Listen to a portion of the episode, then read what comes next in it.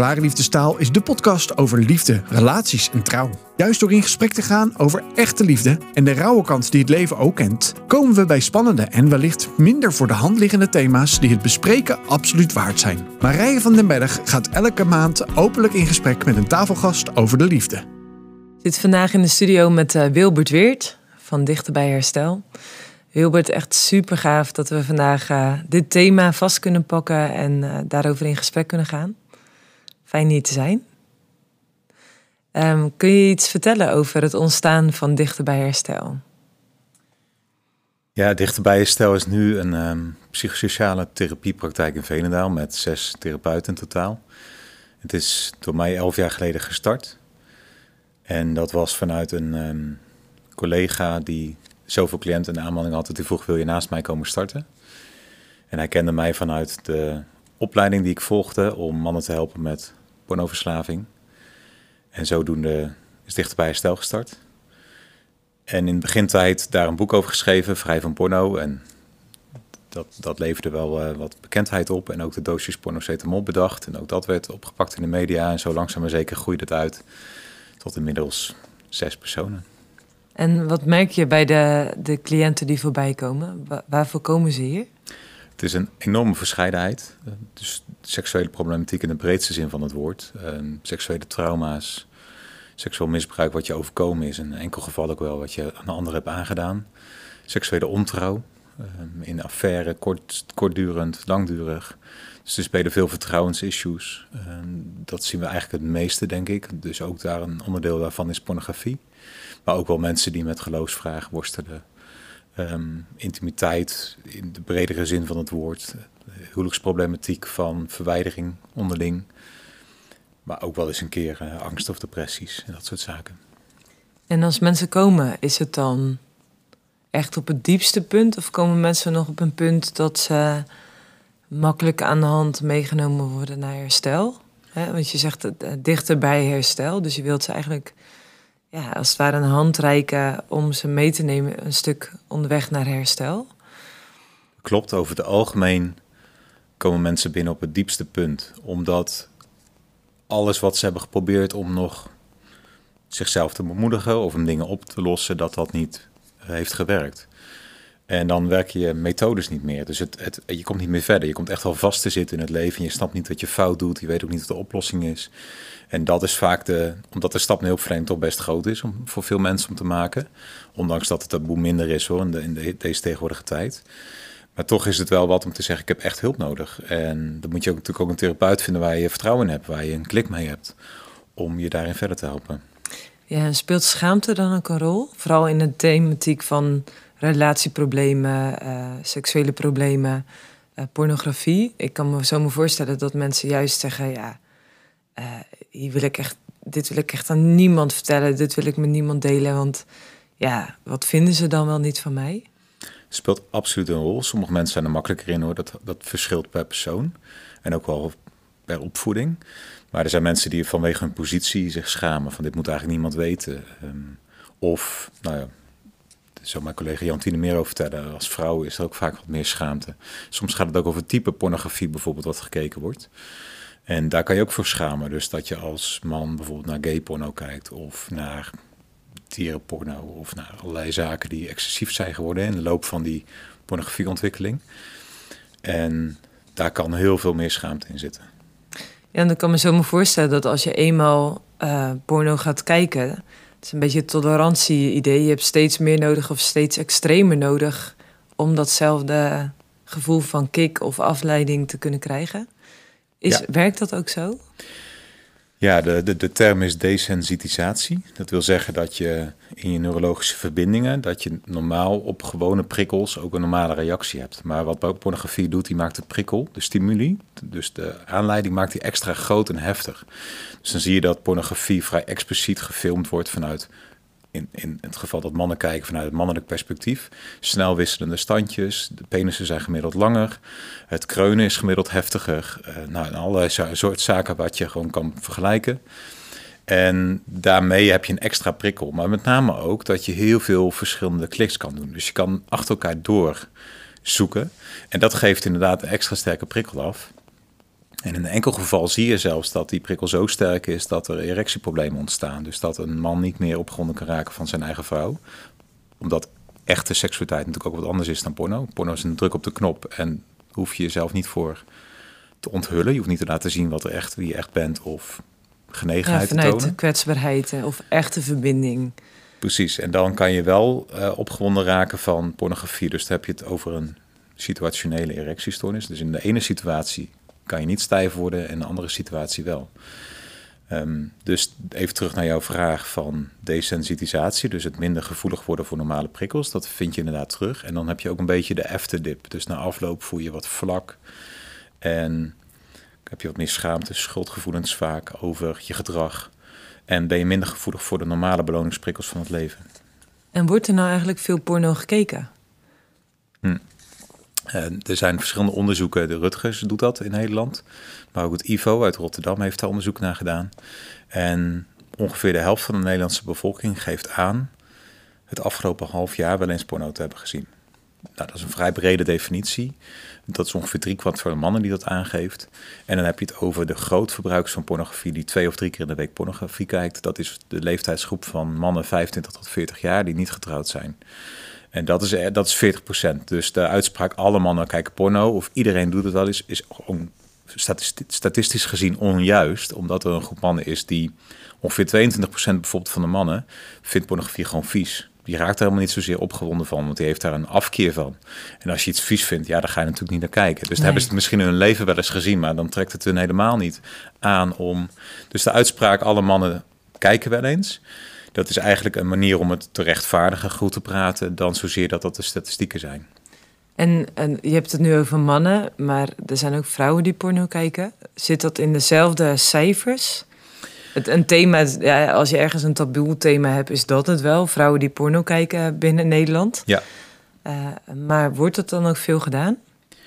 De, onder vrouwen is het ongeveer een derde, dus 33 procent. Dus dat aantal ligt, uh, ligt fors lager. Omdat je ook ziet dat er een aantal vrouwen die niet opgewonden raakt van pornografie...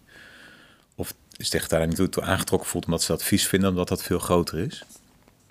Dus uh, dat, dat aantal ligt daarin lager. Moet ik wel zeggen dat er ook onderzoek is gedaan uh, onder christelijke studenten. En daar zie je dat die aantallen fors hoger liggen. Dus dat christelijke studenten uh, wel veel meer en vaker porno kijken en zich ook vaak verslaafd voelen. En ook daar zijn meerdere onderzoeken over. Er is een onderzoek die zegt ongeveer 5,4% van de mannen zijn verslaafd en ongeveer 0,7 of 0,9 van de vrouwen. Dat is dus vrij klein, vrij marginaal. Maar er zijn ook wel onderzoeken die, als je het spreekt over een subjectieve verslaving, dus ik voel me verslaafd, ik wil stoppen, maar dat lukt me niet. Dat is mensen dus die rapporteren het zelf als een verslaving. Dat is ongeveer 10% van de porno-kijkende mannen die dat zo ervaart. Maar onder christenen ligt dat twee keer zo hoog. Dus dan heb je het over 1 op de 5 christelijke porno-kijkende mannen die zichzelf dus verslaafd noemt. Omdat pogingen om te stoppen niet lukken en omdat ze het niet willen en het toch doen. Ondanks de gevolgen die het heeft en ondanks dat ze misschien bidden of vechten om het maar niet te doen. Maar het lukt hun gewoon niet. Ze kunnen die zonde zelf niet overwinnen. En onder vrouwen zie je dat aantal dus ook. Het is natuurlijk wel heftig hè. Als je zegt uh, eh, 5,4% van de mannen die porno kijkt is verslaafd. Uh, dat, is, dat is 1 op de 20. Ja.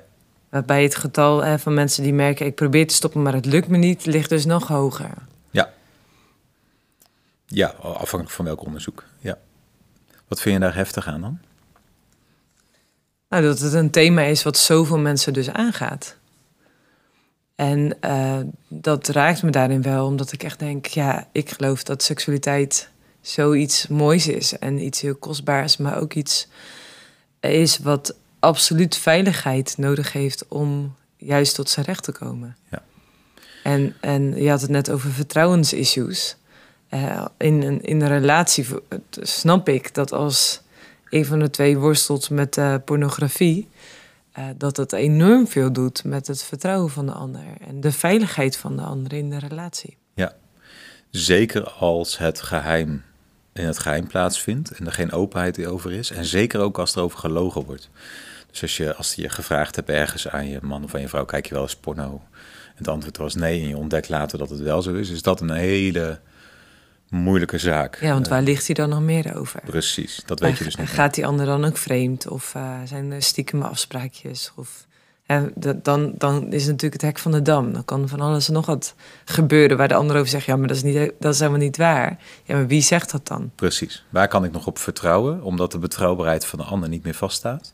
En dat geeft in je amygdala, in je brein, geeft dat een stressreactie. Dus dan ga je of vechten of vluchten of je gaat verstijven. Dus je weet helemaal niet meer wat je moet doen. Omdat je veiligheid staat onder druk.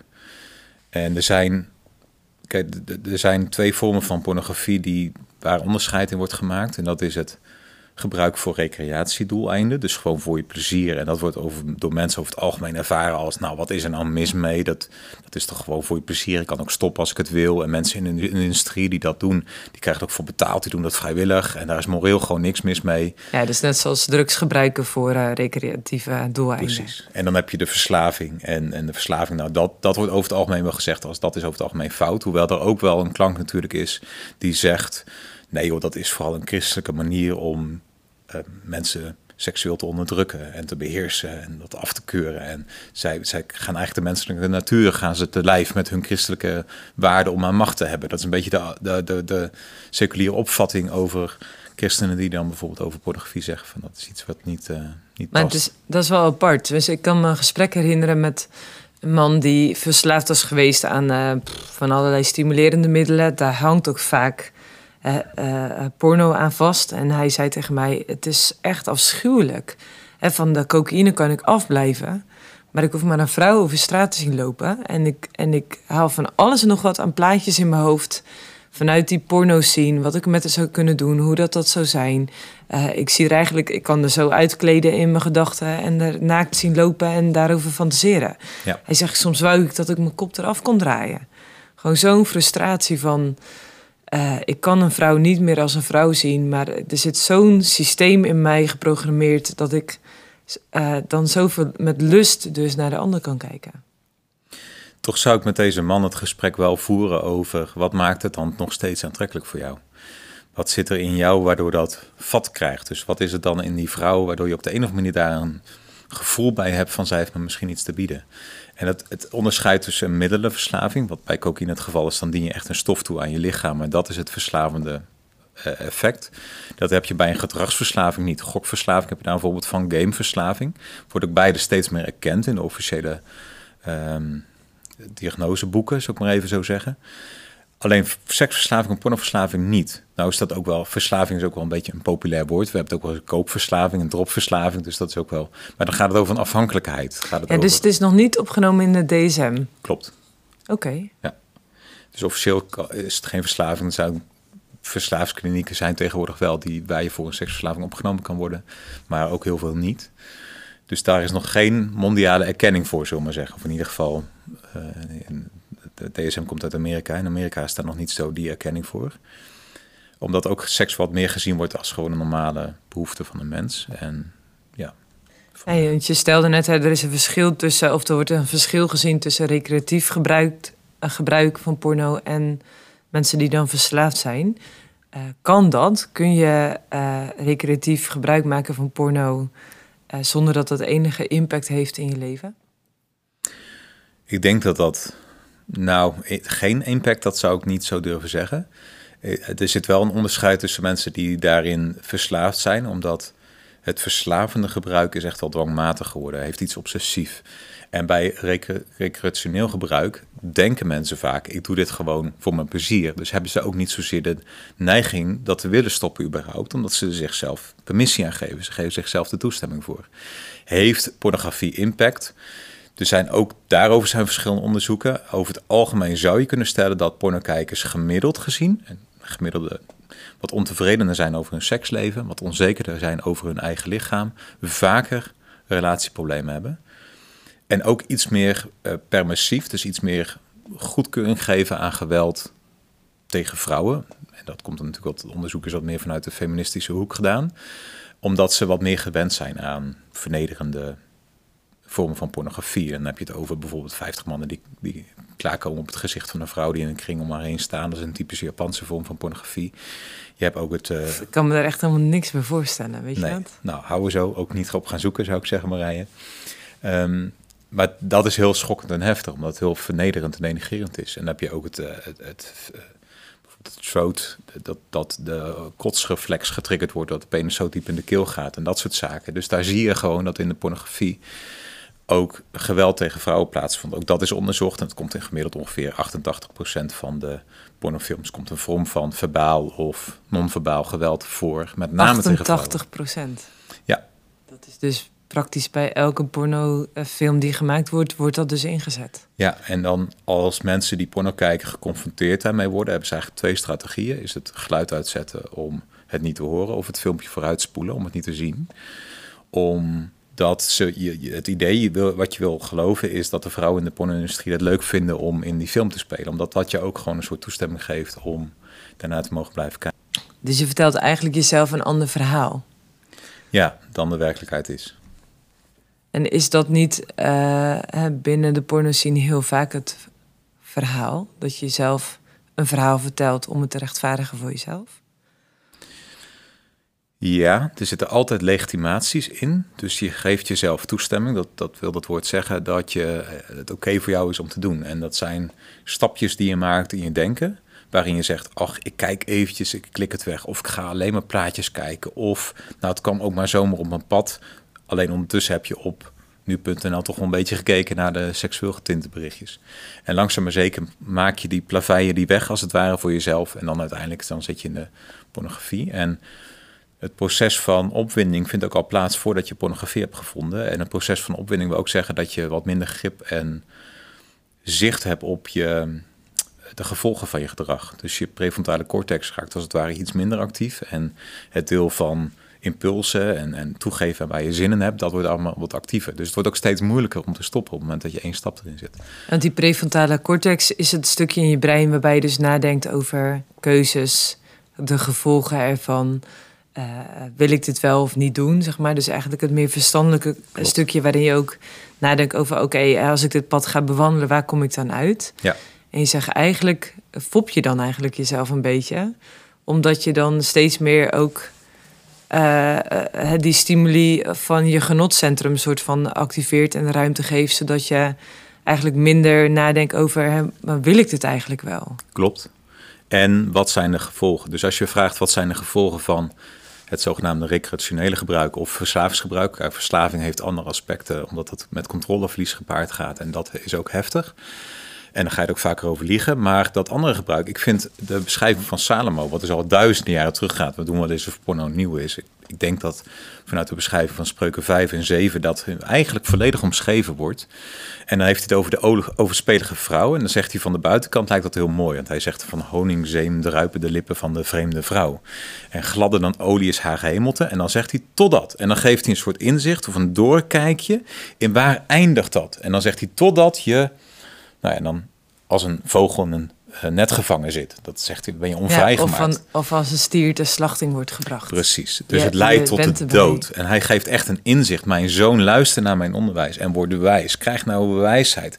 Doorzie dit, want je trapt in de val. Dat is waar hij zijn, mijn zoon, hè, dat is een prachtige leraarhouding, uh, voor wil waarschuwen. En hij zegt dus, niet alleen je fopt jezelf, maar je wordt gefopt. Maar kijk even een stapje verder. Wat is dit? En uiteindelijk zegt hij haar wegen dolen of dwalen. Je raakt verdwaald in haar wegen. Nou, dat is natuurlijk ook vaak wat pornokijkers ervaren. Ik blijf maar ronddolen op het web.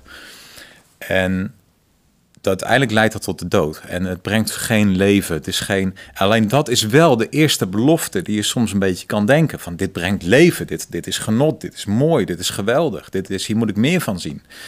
Alleen hij, hij zegt: kijk even verder dan je neus lang is. Ja, want als je de dood eh, concreet maakt.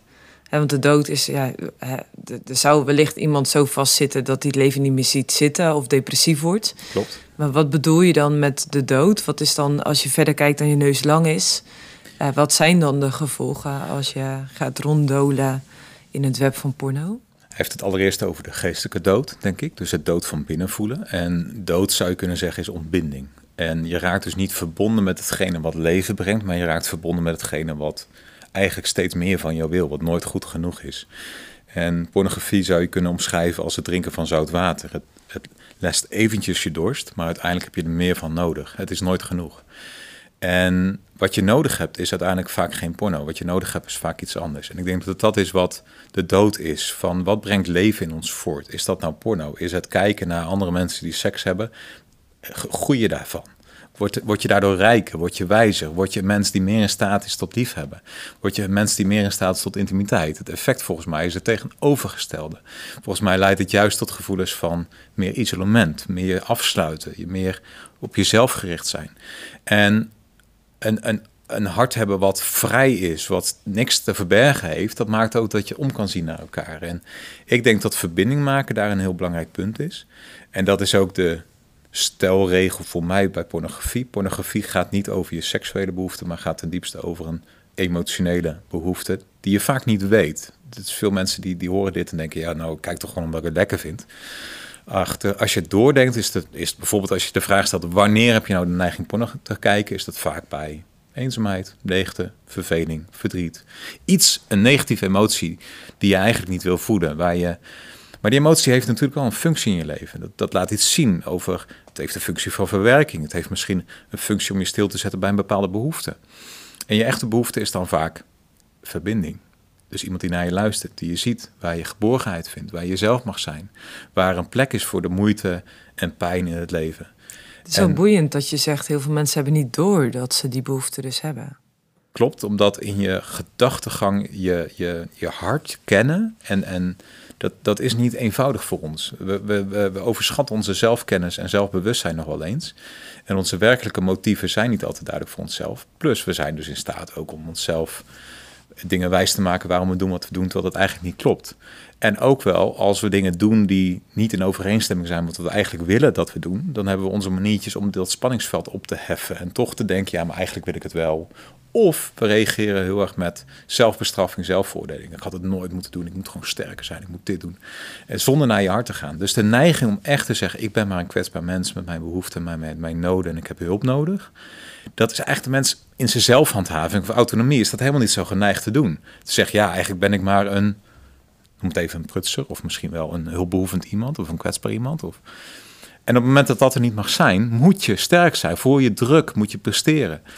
En dat is vaak, een porno is daar een uitweg voor. Omdat dat een soort afleiding biedt, een stress relief. Dus het heeft even een soort verzachting, verdoving van stress.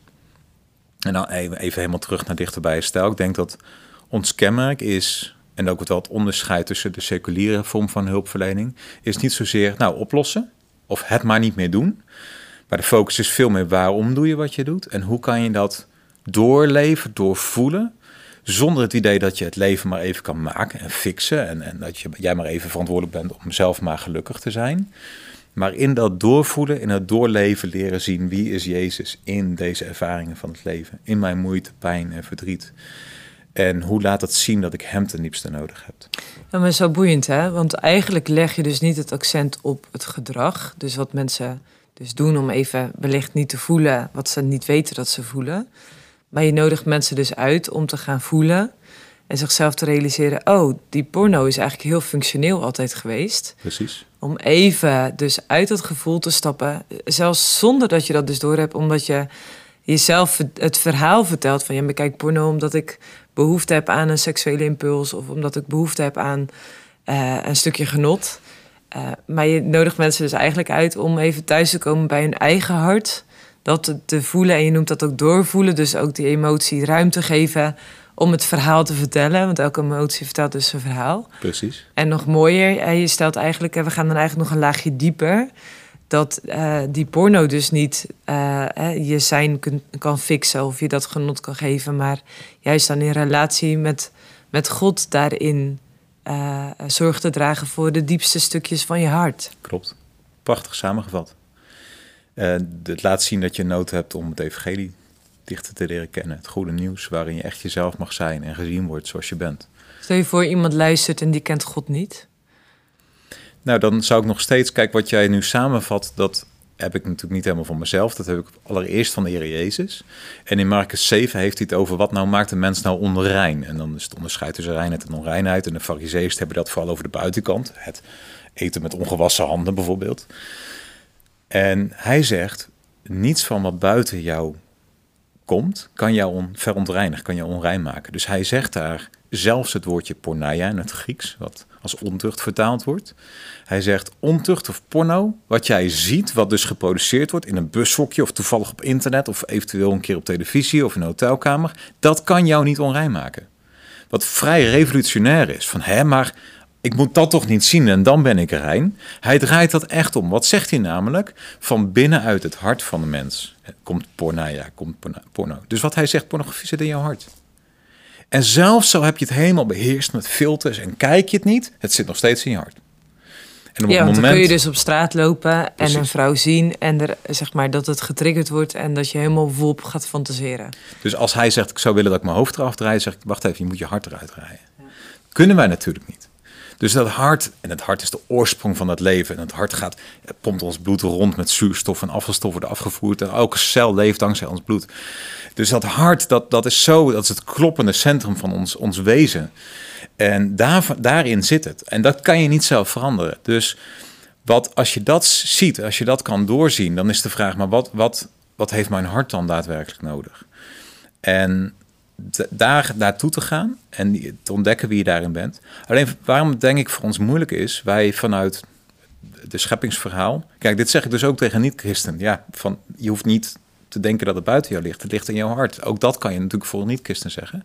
Alleen kom je dan wel op het punt, ja, hoe kan ik mijn hart veranderen? Want ik kan mezelf geen nieuw hart geven. Nee, nee precies. Dat kan dus de Heer Jezus. Ja. Volgens de kinderliedjes in ieder geval. Maar ook echt daadwerkelijk als we tot geloof komen. En als ik die terugkoppel naar Genesis 1 en 2, waarin beschreven wordt hoe God de Hof van Eden maakt en hoe wij ontstaan zijn en, de mens maakt, dan plaatst hij die in die geborgenheid van de Hof en dan is daar vriendschap met God, want God wandelde in die Hof.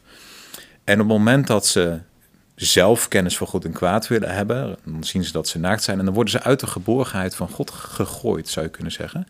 En kunnen ze niet meer bij hem zijn. Ze kunnen niet meer verschijnen voor hem.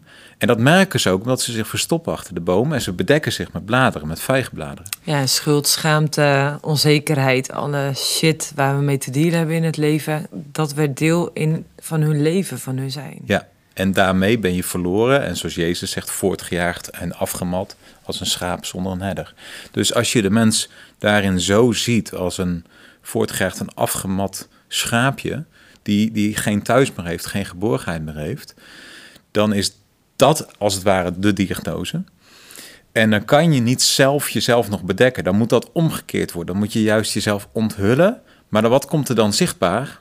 Dat je tekort bent. Dat je onmachtig bent. Dat je niet uh, jezelf kan redden en kan beschermen. Ja, maar dit is echt geen populaire boodschap, hoort. We leven in een maatschappij waar het gaat over zelfredzaamheid, maakbaarheid, uh, succesvol moeten zijn. Uh, zelf vooral laten zien wat jij in huis hebt. En jij stelt eigenlijk het tegenovergestelde. Precies, ik denk dat dat niet te doen is voor de mens. Ja, dus dat, de druk zo hoog is.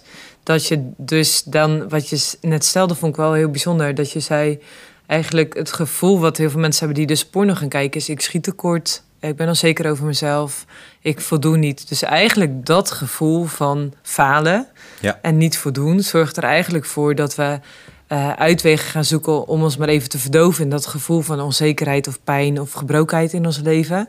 En jij legt eigenlijk de uitnodiging neer: hey, wat als je dus herkent, uh, uh, ik heb dus hulp nodig. Klopt. Of ik kan het niet alleen. Klopt. Ja, ik vind dat je het prachtig verwoordt. De uitnodiging vind ik een mooi woord hiervoor.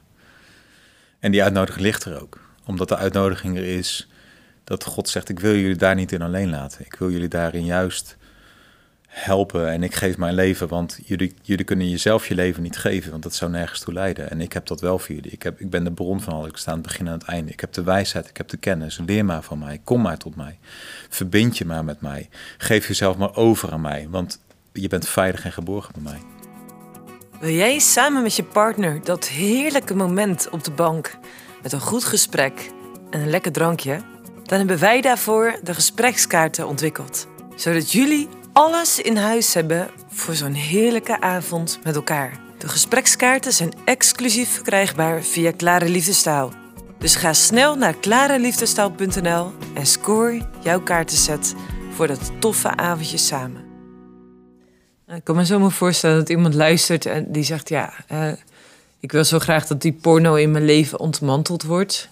dat ik uh, uh, hier kwijt van kon. Ik heb al zo vaak geprobeerd om het niet meer te doen. En iedere keer faal ik weer. En dan gaat het twee maanden goed en dan ga ik weer op mijn muil.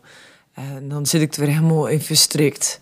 En dan eh, gaat het weer een week goed en dan gaat het uh, vijf maanden goed. En, maar elke keer is het zo'n thema wat terugkomt in mijn leven. Uh, ik sta als, als het ware met mijn rug tegen de muur. Wat moet ik dan nu? Ja. Wat, wat zou je zo iemand mee willen geven? Wat je hier al proeft, ik vind dat je het goed omschrijft uh, hoe, hoe, het, denk ik, voor sommige mensen ook echt is. Dus je, ik vind dat je het heel invoelend vertelt. Je proeft daarin ook al meteen aan angst. Het moet stoppen. En daarmee is je focus ook vaak op het niet doen. En de focus op iets wat je niet doet, ga je vaker doen. Ook al doe je het vijf maanden niet, maar dan blijft het heel erg spelen. Dus allereerst is het maar, wat heb ik dan wel nodig? Wat kan ik wel doen? Wat, is het, wat heb ik eigenlijk echt nodig?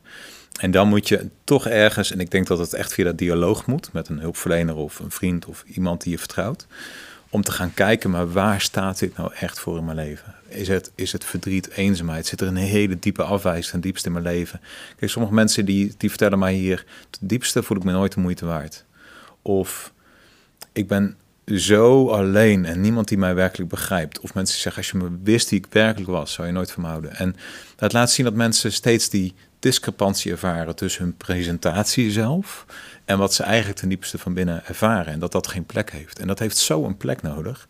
En dat gaat volgens mij in gebed kan dat gaan. Dat je ook daarin uitspreekt, dit voel ik echt. Maar ook, ook in de dialoog. Want het gaat niet zonder dat iemand jou oplettend aanwezig is. Met compassie je tegemoet treedt. Maar je ook stilzet. Van ja, maar ik hoor je dit zeggen. Maar, maar hoe zit dat? En even een stapje dieper gaat. We hebben elkaar echt nodig hierin. En daarvoor is het belangrijk dat je het niet zelf probeert op te lossen. Eh, je moet eigenlijk tot de eerste erkenning komen, dat kan ik niet. Dus hoeveel boeken, inzicht of wijsheid ik ook heb, daar ga je het niet mee redden. En dan mag ik ook wel weer graag Paulus citeren. Die heeft het dan in Romeinen 7 over de wet, wat het goede is. En dan zegt hij, ik weet dat dat het goed is, met mijn verstand weet ik het allemaal. Ik wil het ook.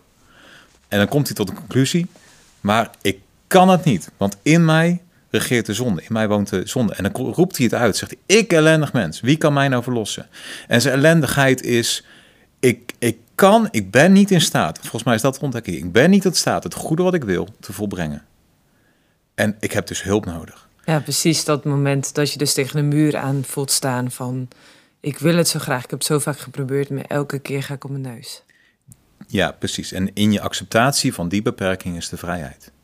Alleen dat ervaren we vaak niet. We hebben het gevoel dat we onze vrijheid opgeven, maar het is juist onze vrijheid. Want daarbinnen kunnen we floreren als we toe geven, toe kunnen geven. Ik kan dit daadwerkelijk niet, maar wie dan wel? Want, en wie dan wel? Nou, dan is het antwoord van Paulus, Goden dank, dankzij Jezus Christus. En dan heeft hij het ook Romeinen 8 over dat er geen veroordeling meer is, dat er vergeving is, dat er het bloed van Christus is wat ons schoonmaakt, wat reinigt, wat alles... On... God wil zo graag onze zonde vergeven. En dat niet alleen. Daarna is het dat je dan kan uitroepen Abba Vader. En dat je leert wandelen door de geest. En de geest leidt je in hetgene wat leven is. En die helpt je ook om te doorzien de strik van pornografie. Hè.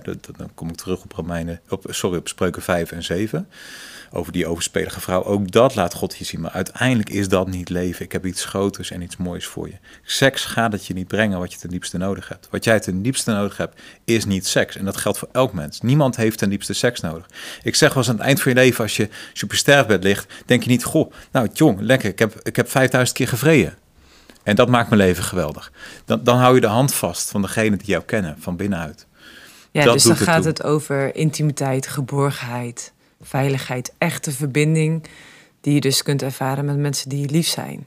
Precies. En dan, als je dat kent, dan kan je in de seksualiteit daar uitdrukking geven. Dan in je seksualiteit, dan komt als het ware de intimiteit, geborgenheid, komt tot uiting in seksualiteit.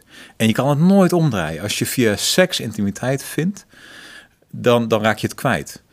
En eigenlijk zou je kunnen zeggen, vrije of, of seksualiteit dat, dat vind je bijvoorbeeld niet op de wallen. Daar wordt geneukt. Daar wordt plat gewoon genomen voor geld. Dat is eigenlijk, seks is nooit te koop. Dat is nooit de bedoeling. Omdat het iets is wat je altijd uit liefde vrijwillig met elkaar beleeft. En nooit als consumptie. Dus wat pornindustrie doet, die produceert het zodat jij het kan consumeren. Maar als je ziet hoe God is, wie God is als verbinding, geborgenheid, liefde. En daarmee ook zijn uitdrukking van zijn zijn in de liefdevolle relatie tussen man en vrouw en de eenwording tussen hen. Dan proef je wel, daar past geen enkele pornografie bij. En maar dat is wel, als, als ik dan kijk naar onze maatschappij en uh, waar jongeren mee te maken hebben met een hele hoge druk om te presteren, uh, om het vooral zelf carrière technisch goed voor elkaar te krijgen. En tegelijkertijd ook van hè, uh, er is een belofte dat als je helemaal losgaat op het gebied van seksualiteit, dat dat het grootste genot geeft wat er is. En eigenlijk stel je nu ook van hé, hey, maar die weg bewandelen zorgt dat je altijd teleurgesteld achterblijft. Sterker nog, dat het je eerder berooft van een stuk vreugde of van, van een stuk veiligheid en geborgenheid. En de mogelijkheid om je te verbinden met iemand anders, dan dat het je heel veel brengt. Klopt. Gedesillusioneerd zou ik willen zeggen. Dus je hebt het. En ik denk dat het een hele moeilijke staat van zijn is voor veel, veel mensen. Dat je gedacht, gestreefd, gevochten hebt. En aan het eind in een soort leegte belandt. En dan dat je niks anders meer hebt dan maar op je eigen veilige eilandje met jouw rijkdom, maar jezelf een beetje beschermen tegen de varen van het leven. En dat is het dan. Dat je eigenlijk niet meer weet wat het betekent om in verbinding te staan met mensen. En lief te hebben en om te zien naar je naaste. Terwijl dat zo grote vreugde is. Als je dat kunt doen. Als je merkt, ik heb echt wat te geven van binnenuit, want ik heb genoeg. Nee, maar eigenlijk stel je dat er dus heel veel hoop is. Ook als mensen helemaal vastzitten in de porno scene ook al is het een proces wat, wat uh, het lijkt me heel uh, heftig. Het leren verkennen wat leeft er eigenlijk in mijn hart. Wat is de pijn die ik eigenlijk wil verdoven door zo'n moment van opwinding en nou ja, wat er dan allemaal gebeurt. Maar dat je zegt, als je dat proces aangaat, dan kun je echt ook een, een vol leven krijgen waarin je je kunt verbinden met de mensen die dierbaar zijn. Klopt. Het is onwijs hoopvol. Het is juist de kans van je leven. Om op het moment dat je. Kijk, wij zondigen omdat we zondig zijn. En op het moment dat je ontdekt, ik ben zondig. En ik kan dus niet omdat ik. Kijk, een hond kan niet leren miauwen. Je, bent, je doet zonde omdat je zondig bent. op het moment dat je tot die ontdekking komt, begint daar de weg van hoop en leven. Daar gaat het evangelie echt in klinken. Op het moment dat je dat niet erkent, heeft Jezus niets voor je te betekenen. heeft het evangelie ook niets voor jou te, te, te, te bieden juist voor de zondigheid van je hart. En dat vernieuwen, liefhebben, reinigen. En dat je daardoor een Jezus leert kennen. En hij een nieuwe toekomst geeft, een nieuwe hoop geeft. En dan klopt het. Dan, dan maakt hij je wegen recht. Dan leert hij je liefhebben. Dan leert hij je omgaan met je pijn. Dan, dan kan je trauma's ook delen. Verwondingen die heel diep van binnen zitten. In het licht van het evangelie. Dat hij een God is die zich om je bekommert. Die jou lief heeft. Die waardevol met jou omgaat. En niet zozeer omdat jij zo ontzettend waardevol bent, maar omdat hij zo waardevol is. En juist dat hij in jouw waardeloosheid komt en zegt: En ik maak hier wat moois van. Dat is wat zoveel hoop geeft. Ja, want zo voelen mensen zich waarschijnlijk ook. Precies. Ze voelen zich ook waardeloos. En dat mag dus ook. Zo mag je ook voelen. Daar is alle ruimte voor. Je hoeft niet te zeggen: Ik ben zo belangrijk, ik ben zo waardevol, ik moet zoveel van mezelf houden. Want dan moet je het allemaal weer zelf juist je waardeloosheid mag er zijn. Maar wat heeft waardeloosheid nodig? Niet zozeer de overtuiging, ik ben het allemaal wel waard, maar dat je geliefd wordt. Dat iemand zich bekommert om je. Dat iemand naar je toe komt. Dat iemand zegt, ik wil je zien en ik wil je ontmoeten. Dat heeft waardeloosheid nog veel meer nodig dan de boodschap van tegenwoordig. Dat je allemaal maar hè, jezelf zo waardevol moet zijn. Dat vind ik wel... een thema wat je raakt. Dat klopt, ja.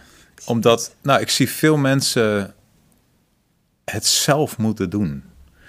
Ik moest heel erg denken aan de Law of Attraction. Uh, zolang je maar positief praat, zolang je maar positief denkt, beweeg je dus de hemelse gewesten uh, om dat ook voor jou te fixen.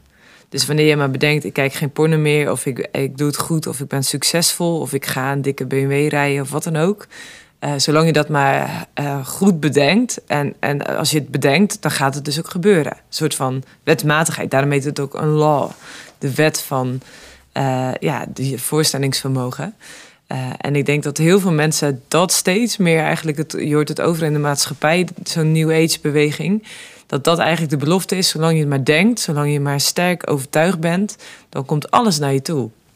En wat jij eigenlijk stelt is, kom gewoon de realiteit onder ogen. Want alles wat je op eigen kracht moet doen, dat gaat je nooit dat brengen waar je eh, naar op zoek bent. Sterker nog, dat, daar raak je ook in verstrikt. Klopt. Ik vind het een, een, nou, een belachelijke, maar ook een onrealistische visie, om dat zo te zeggen. En zo werkt het ook niet. En ik denk ook niet dat dat is waar het leven ten diepste om gaat. Van, want uiteindelijk stel je jezelf centraal, jouw geluk en jouw rijkdom en jouw welvaart en jouw voorspoed. En het draait allemaal om jezelf. Het leven is juist mooi als het niet om jezelf hoeft te draaien, maar om, om elkaar, om samen, om het grotere plaatje. En daar vinden we veel meer geluk in. Het is echt een onderschatting van het geluk wat het brengt om elkaar lief te hebben. En dat het ten diepste om jezelf gaat en dat daar geluk in zit. Je, je, je, je hebt het niet door hoe het werkelijk zit. Je ziet niet het grotere plaatje dan. En als je dat dan zo. Het raakt natuurlijk wel het egoïstisch hart van de mens, die het beste voor zichzelf wil en geen pijn. En um, ik wil natuurlijk ook het liefst geluk en geen pijn. Alleen waar je dat zoekt, dat maakt natuurlijk een wereld van verschil. Dus ik vind die belofte, vind ik, een, dat je jezelf los moet maken van de realiteit, zoals het leven zo werkelijk is. Maar het klopt ook niet met Jezus, de leidende knecht, die door lijden heen is gegaan. De discipelen die elf daarvan uh, door geweld om het leven zijn gekomen, vervolgd zijn geraakt. In, in Hebreeën lees je dat, dat de rijkdom juist gestolen werden. En mensen hadden dat met blijdschap aanvaard, want ze wisten dat ze een beter en blijvend bezit hadden in de hemel. Dus een leven van een christen moet hemelsgericht zijn, omdat in de hemel, daar is je thuis en daar vindt plaats zoals jij, wat je werkelijk nodig hebt. Daar, daar is de lofprijs van God, daar is de aanbidding van God, zoals het hoort, zoals, zoals wij het nodig hebben. En als je niet op die hemel gericht bent, het aardse is zo weerbarstig. Er is zoveel moeite en pijn en verdriet en eenzaamheid. Het gaat niet gebeuren, ja, een enkeling. Maar goed, wat, wat brengt het de popsterren en de rijke mensen die zo ontzettend rijk zijn? Dat ze denken, ik heb het voor elkaar. En ze vergeten even dat toevallig hun wieg op de goede plaats staat, stond. En dat ze toevallig even de brains hebben.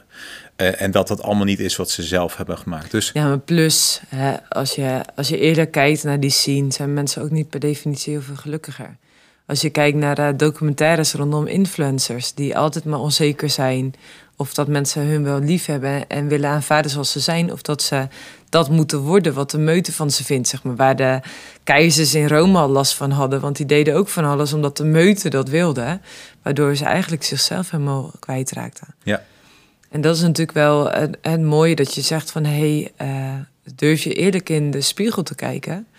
En als je God niet kent, als je deze podcast luistert en denkt, eh, Marije, jij hebt me Wilbert zomaar over God en over dat er dus hoop is, ook al voel ik me volledig waardeloos en ik het dus niet op eigen kracht kan, dan is er dus ook hoop voor jou. Ja. Laatst keek ik een uh, Ik Vertrek uitzending en uh, er gebeurde iets bij een stel waardoor ze terug naar Nederland uh, moesten omdat een geliefde van hun ziek was. En ze zeiden, we hebben nu nog meer de overtuiging, er is geen leven na dit leven, dus we moeten alles eruit halen wat er nu in zit. En toen dacht ik echt, wauw, dan heb, heb ik als christen zo'n prachtig mooi perspectief, omdat je net ook zo mooi zei, er is een huis voor je in de hemel. Uh, wanneer je Jezus Christus als je verlosser mag leren kennen, die dus jouw hart wil vullen, hoe leeg het ook is, hoe ellendig je jezelf ook voelt, hoe onzeker je jezelf ook voelt. Maar er is dus altijd hoop. Precies. Wat als mensen zeggen van, hé hey, Wilbert, uh, ik wil zelf of met mijn partner of met wie dan ook, uh, of ik ken iemand die hierin hulp nodig heeft. Hoe kunnen ze dan bij jullie verder komen? Je bedoelt qua aanmelding of hoe dat? Ja, de, dus wat als iemand zegt ik wil hulp bij jullie? Er is een, uh, we hebben een website en daarop staat een aanmeldformulier. En op die en wat is de website? www.dichterbijherstel.nl En hebben jullie ook een wachtlijst? Nee, op het moment niet. Dat is fantastisch. Als je hoort hoeveel. Uh, je zegt mensen komen hier vaak als ze in een dieptepunt zitten. Dus dat is natuurlijk echt fantastisch als ze gewoon aan de slag kunnen met datgene. Om dus meer vrijheid en meer volheid in hun leven te ervaren en die porno dus te ontmantelen. Klopt. Dankjewel voor je verhaal. Uh, ik vond het heel hoopvol, ook wel confronterend her en der. Gewoon van hoe dat heel die scene in elkaar zit. Uh, maar ook hoe mensen ja, daar verstrikt in kunnen raken. Maar ook dat je zegt, hè, er is dus een weg naar herstel. En wij als organisatie willen mensen graag dichter bij herstel brengen. Dus zeg je nu van, hé, hey, ik wil hier uh, meer van weten. Ga naar dichterbijherstel.nl. Is je boek nog verkrijgbaar? Alleen nog in een digitaal, digitale versie. En dat is ook vast via de website te vinden? Ja, of anders eventjes via de, ja, anders via de mail. Kijk, hartstikke mooi. En zeg je van Marij, ik wil hier echt meer over weten. Uh, mijn boek Van Wouw, die in uh, november 2022 uh, uitkwam, gaat hier precies over. Over lijden, wat als leven moeilijk is. Wat voor strategieën hebben we dan als mensen om het allemaal maar zelf te kunnen doen. Maar wat als er dan een God is die liefdevol jou aan wil nemen als zijn kind. En jou dus die weg naar herstel leert. Om dus goed voor je emoties te zorgen. En ja, gezond in vrijheid in het leven te staan. Dus mocht je daar uh, oor naar hebben, uh, de linkjes staan ook allemaal in de beschrijving van de podcast. Dus voel je daarin ook welkom om uh, dat ook uit te zoeken, want er is hoop voor jou. Dankjewel, Wilbert. Graag gedaan. Jij ook bedankt.